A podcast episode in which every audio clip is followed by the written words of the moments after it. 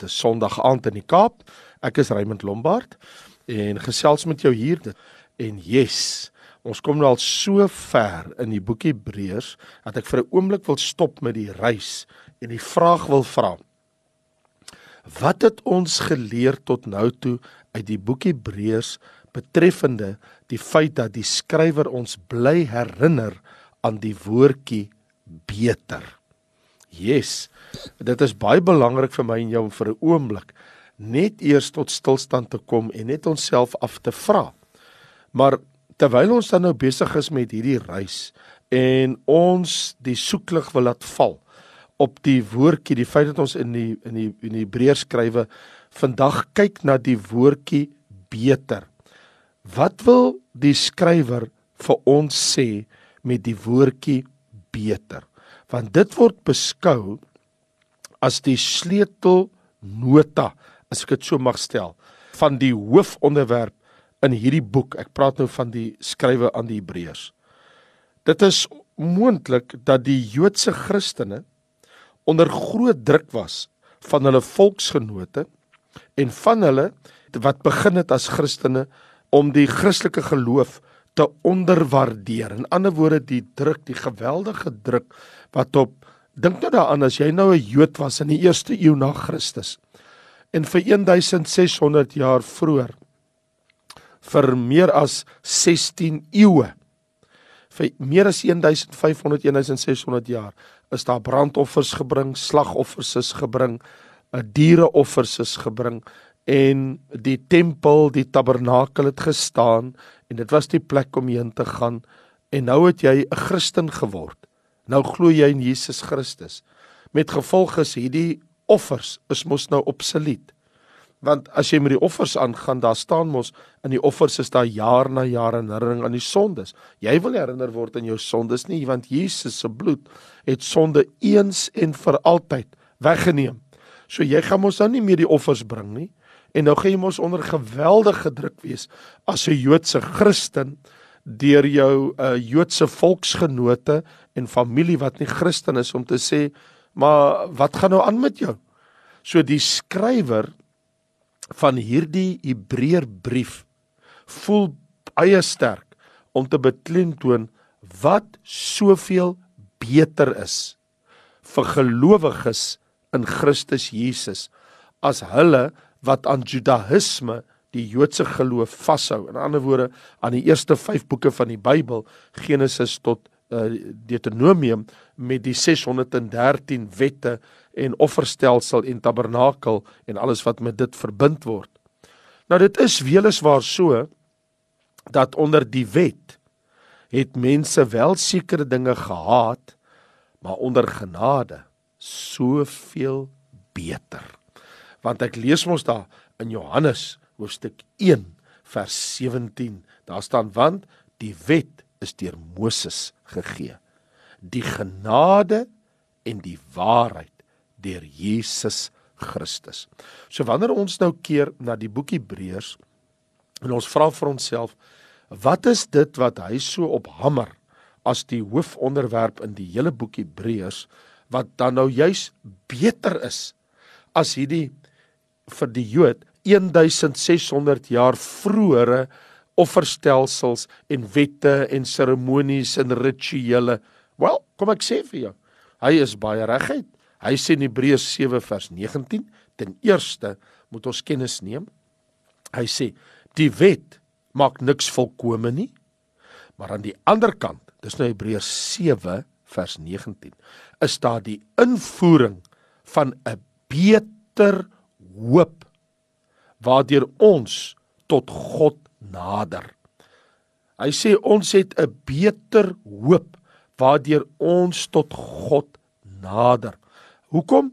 Want ons het in die nuwe verbond, die Nuwe Testament, 'n beter hoop in die sin dat ons het mos nou 'n volmaakte hoëpriester in Jesus Christus. Want hy verduidelik as hy sê ons het 'n beter hoop, sê hy want ons beter hoop is geleë in die feit dat dit met eetswering plaasgevind het waar hy sê in vers 21 maar hy God met eetswering deur die een wat aan hom gesê het Die Here het gesweer en dit sal hom nie berou nie.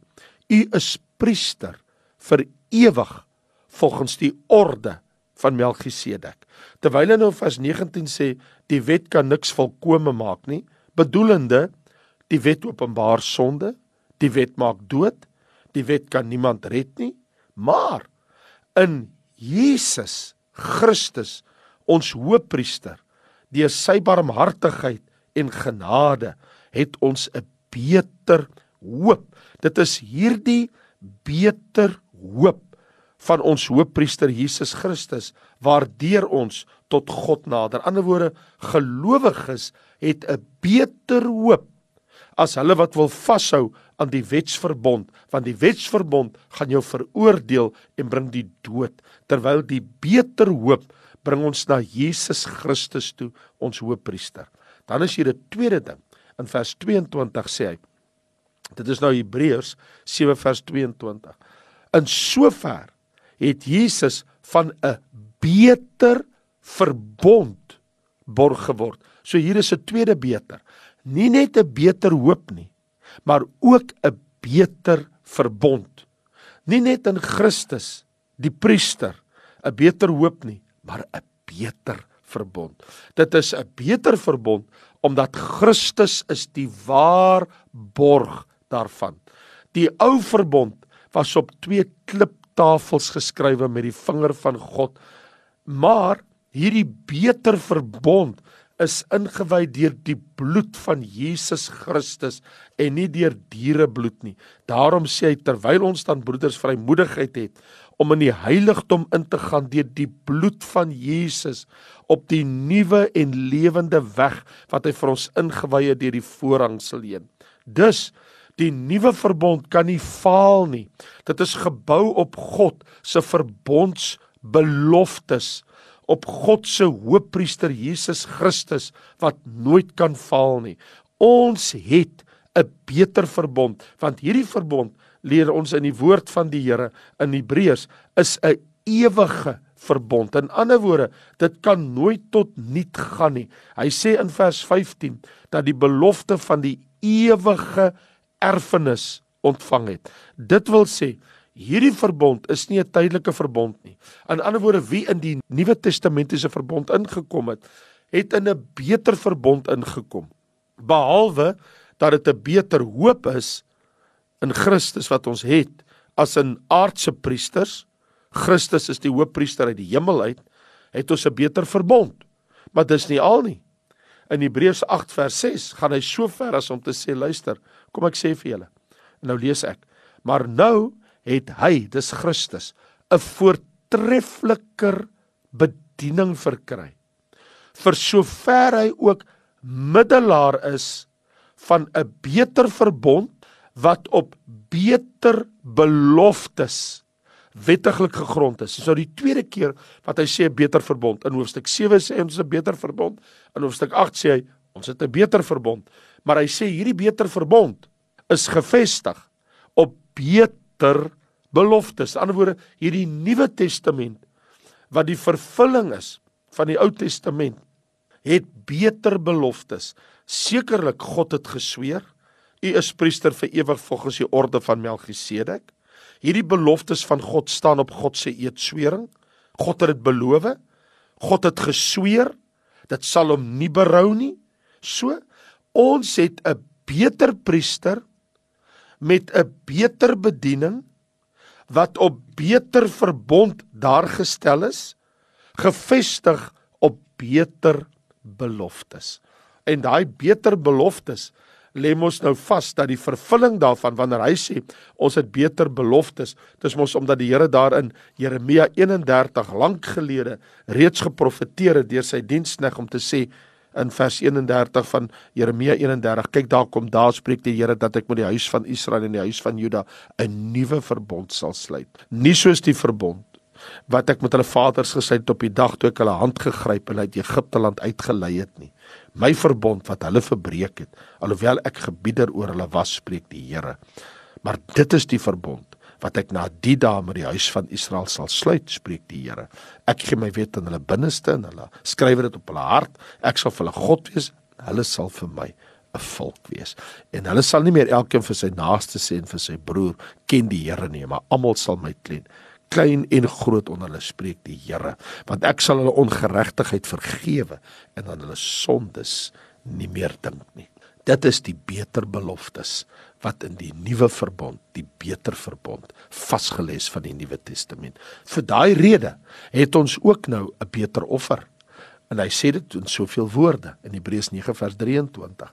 Hy sê dit was dus nodig want niks kan sonder bloedvergieting kan daar geen vergifnis plaasvind en gereinig word nie sê in vers 22 in uh, Hebreërs 9 nou gaan hy aan in die 23ste vers. Hy sê dit was dus nodig dat die afbeelding van die dinge in die hemele deur hierdie offers gereinig moet word. Aan die ander woorde die tabernakel en alles wat daarmee is, die voorbeeld wat Moses ontvang het wat hy nou laat maak het. Hy sê, maar die hemelse dinge self deur beter offers as hierdie. Wow. Hy sê so, ons het nie net 'n beter verbond nie, beter beloftes nie, 'n beter hoop nie, maar ons het ook 'n beter offer. Christus se offer, Jesus se bloed, nie dierebloed nie. Christus se koningsbloed, heilige bloed, blou bloed, Christus koningsbloed reinig die dinge in die hemele, hemelse dinge. Geen aardse offers kon dit doen nie. Geen diereoffers nie, want die bloed van stier en bokke het maar net die sonde bedek, maar die bloed van Christus neem dit weg. So die beter offer van Christus neem sonde weg. Dit bedek nie sonde nie. Dierebloed het sonde bedek. Dit staan mos so in Hebreërs 10 vers 4 van die bloed van stier en bokke kan onmoontlik die sonde wegneem. So dierebloed het sonde bedek, maar die bloed van Jesus verwyder dit vir ewig. Geen wonder die Here sê in vers 18 van hoofstuk 10, daar waar daar nou vergifnis van hierdie dinge is, is daar geen offer meer vir die sonde nie. Hy sê in vers 10, ons is deur hierdie offer geheilig deur die liggaam van Christus, die offer van sy liggaam. Net eenmal. Dierebloed moes elke dag gestort word. Elke week, elke maand, elke jaar, jaar na jaar. Maar Jesus se bloed eenmal gestort. Eenmal het hy sy lewe gegee. Eenmal het hy 'n beter offer gebring. So ons sien 'n beter verbond, beter hoop, beter beloftes, beter offer, maar dis nie al nie. Hoofstuk 10 vers 34 sê hy maar vriende let hierop want julle het ook saam met my gevoel in my boeye en julle het die berowing van julle goed met blydskap aanvaar omdat julle geweet het dat julle in julleself 'n beter en blywende besitting in die hemel het. So een ding wat hy wil hê hierdie gelowiges nou moet weet met hierdie druk wat hulle het, is dat wat hulle moet weet is dat hulle het 'n beter ja, hulle het 'n beter blywende besitting wat vir hulle in die hemele bewaar is. Dis maar soos wat Jesus vroeg in sy bediening in Matteus 5 vers 12 sê: Verbly en verheug julle omdat julle loon groot is in die hemele. Dit is nou wanneer die mense julle beledig, vervolg en valslik allerlei kwaad teen julle spreek om my ontwil. So hier is 'n geweldige ding. En dit is dat hulle het geweet dat in die hemelse koninkryk is daar hemelse besittings wat die Here vir hulle instoor het. So wat ek vir jou wil sê is ons het 'n beter besitting in die hemel. Maak nie saak wat ons op aarde verloor nie. Ons het 'n ewige beter besitting. Let mooi op hoofstuk 10 vers 34 omdat jy weet dat jy in jouself 'n beter blywende besitting in die hemel het.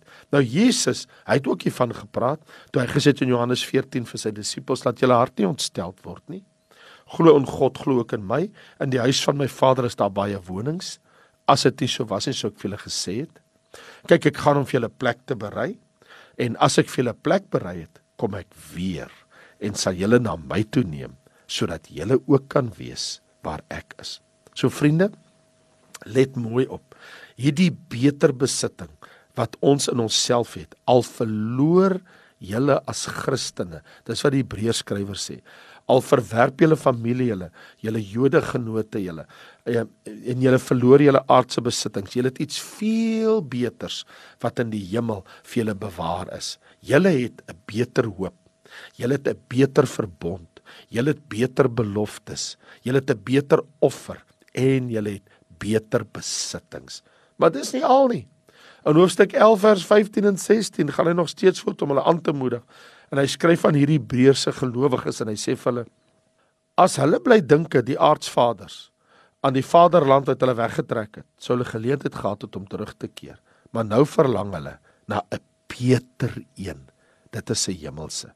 Daarom skaam God hom nie om hulle God genoem te word nie, want hy het vir hulle 'n stad berei.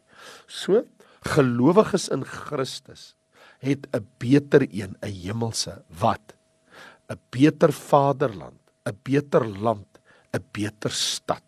So die aardsvaders, Abraham, Isak en Jakob, hulle het geweet hulle is vreemdelinge in die land Kanaan. Maar niks het Abraham verhinder om terug te trek na Haran of Ur van die Galdeërs nie. Niks behalwe sy geloof in God se beloftes. En hulle, die aardsvaders, het uitgesien na 'n beter vaderland en 'n beter stad. In Jesus Christus het ons as gelowiges 'n beter vaderland, die hemel. Ons het 'n beter stad, die nuwe Jerusalem. En daarom kan ek en jy ook nou weet op grond daarvan ek en jy besef en ons kan sien dat die woord van die Here leer vir ons ons het 'n beter vaderland ons het 'n beter stad die nuwe Jerusalem ons het ook behalwe dit sê in hoofstuk 11 vers 35 hy sê vroue het hulle dode deur die opstanding teruggekry en ander is gefolter en wou geen bevryding aanneem nie om 'n beter opstanding te verkry. Jy weet, omdat ek en jy 'n beter hoop het, omdat ons beter verbond het die Nuwe Testament, omdat ons beter beloftes het en ons het hierdie beter offer van Jesus, 'n beter besitting en ons het die nuwe Jerusalem en 'n nuwe vaderland, die hemel. Hy sê, "Is daar vir ons 'n beter opstanding in Hebreërs 11 vers 35. Daar is 'n beter opstanding want ons staan op met 'n ewige verheerlikte liggaam. Toe Justin Mate, 'n vroeë kerkvader kyk na die plek waar hy en sy gemeente as martelaars sou sterf, het Justin gesê: "Onthou broers en susters, hulle kan ons doodmaak, maar hulle kan ons nie seermaak. Hulle kan niks in ons gees doen nie." Bedoelende, ons het 'n beter opstanding. En dis nog nie al nie. Ons het ook 'n beter seën, want die Ou Testamentiese gelowiges het met die geloofsoog na die toekoms gekyk in bitter moeilike omstandighede het hulle op God vertrou en hulle het van ver af die toekoms ingekyk, maar ons het 'n beter seën. In Jesus Christus het ons al die seëninge van sy kruisdood, sy opstanding, sy hemelvaart. O, soos wat Efesiërs 1 vers 3 sê, geseën is die God en Vader van ons Here Jesus Christus wat ons geseën het in die hemele in Christus. En dit het die Ou Testamentiese gelowiges nie gehad nie. Hulle het net God se beloftes gehad, maar ons het God se vervulde beloftes in sy seun Jesus Christus. Ons het 'n beter seën. Ek wil jou aanmoedig en sê dink daaraan as Christene 'n beter hoop, beter beloftes, 'n beter verbond, beter opstanding, 'n beter land, die hemelland, 'n beter stad, die nuwe Jerusalem, 'n beter seën. Wie wat? Wie's nog een wat oorbly? Hebreërs hoofstuk 12 vers 24 sê. En dit is waar dat ek en jy kan kennis neem, hier staan geskrywe en Jesus die middelaar van die Nuwe Testament en die bloed van die besprenkeling wat van beter dinge spreek as Abel. So Jesus die middelaar van die Nuwe Testament, die een wat die Nuwe Testament daar gestel het, die nuwe verbond, sy gestorte bloed spreek van beter dinge as die bloed van die eerste vermoorde man Abel. Abel se bloed het geroep om wraak Abel self het aan God 'n lam geoffer, die onskuldige bloed van 'n dier. Maar Jesus se bloed spreek van beter dinge, soos hier staan ook in Hebreërs 12 vers 24 van beter dinge spreek Jesus se bloed want Jesus se bloed maak die poorte van die hemel oop. Jesus se bloed maak die nuwe Jerusalem vir gelowiges oop. Waarlik waar voorwaar. Hier in die boek Hebreërs het ons iets beters in die Nuwe Testament wat ons ontdek het. Ons het 'n beter hoop beter verbond beter beloftes beter offer beter besitting beter land beter stad Jerusalem in die hemel, beter opstanding, 'n beter seën en Jesus se bloed wat van beter dinge spreek as die bloed van die offer van Abel of die bloed van die diereoffers van Abel. Here, ons wil U loof, ons wil U prys, ons wil U dank vir Jesus Christus, vir die Nuwe Testament, vir hierdie wonderlike nuwe hoop wat ons as Christen het. Ons het 'n beter verbond. Here, ons het beter beloftes en daar wag vir ons 'n beter besitting, die hemel met al sy heerlikheid, omdat Christus het 'n beter offer gebring, sondelose bloed wat hy gestort het en het vir ons 'n beter plek daar gestel. Ons het die heerlikheid van God. Ons is nie net burgers van die aarde nie, maar u woord sê ons burgerskap is in die hemele van waar ons as verlosser verwag. Ons Here Jesus Christus wat vir ons 'n beter woning het, 'n stad in die lewende nuwe Jerusalem wat God daar gestel het en wag daar vir ons 'n beter opstanding, die eerste opstanding. Dankie vir u seën, Here. Dankie vir u kosbare bloed wat beter is as alle dinge wat ooit gestort was eens en vir altyd. Here ons loof U. Here ons prys U. Here ons dank U vir hierdie beter dinge wat U vir ons in Christus Jesus bewerkstellig het. Amen. Nou ja, toe ek is Raymond Lombard. Ek groet jou.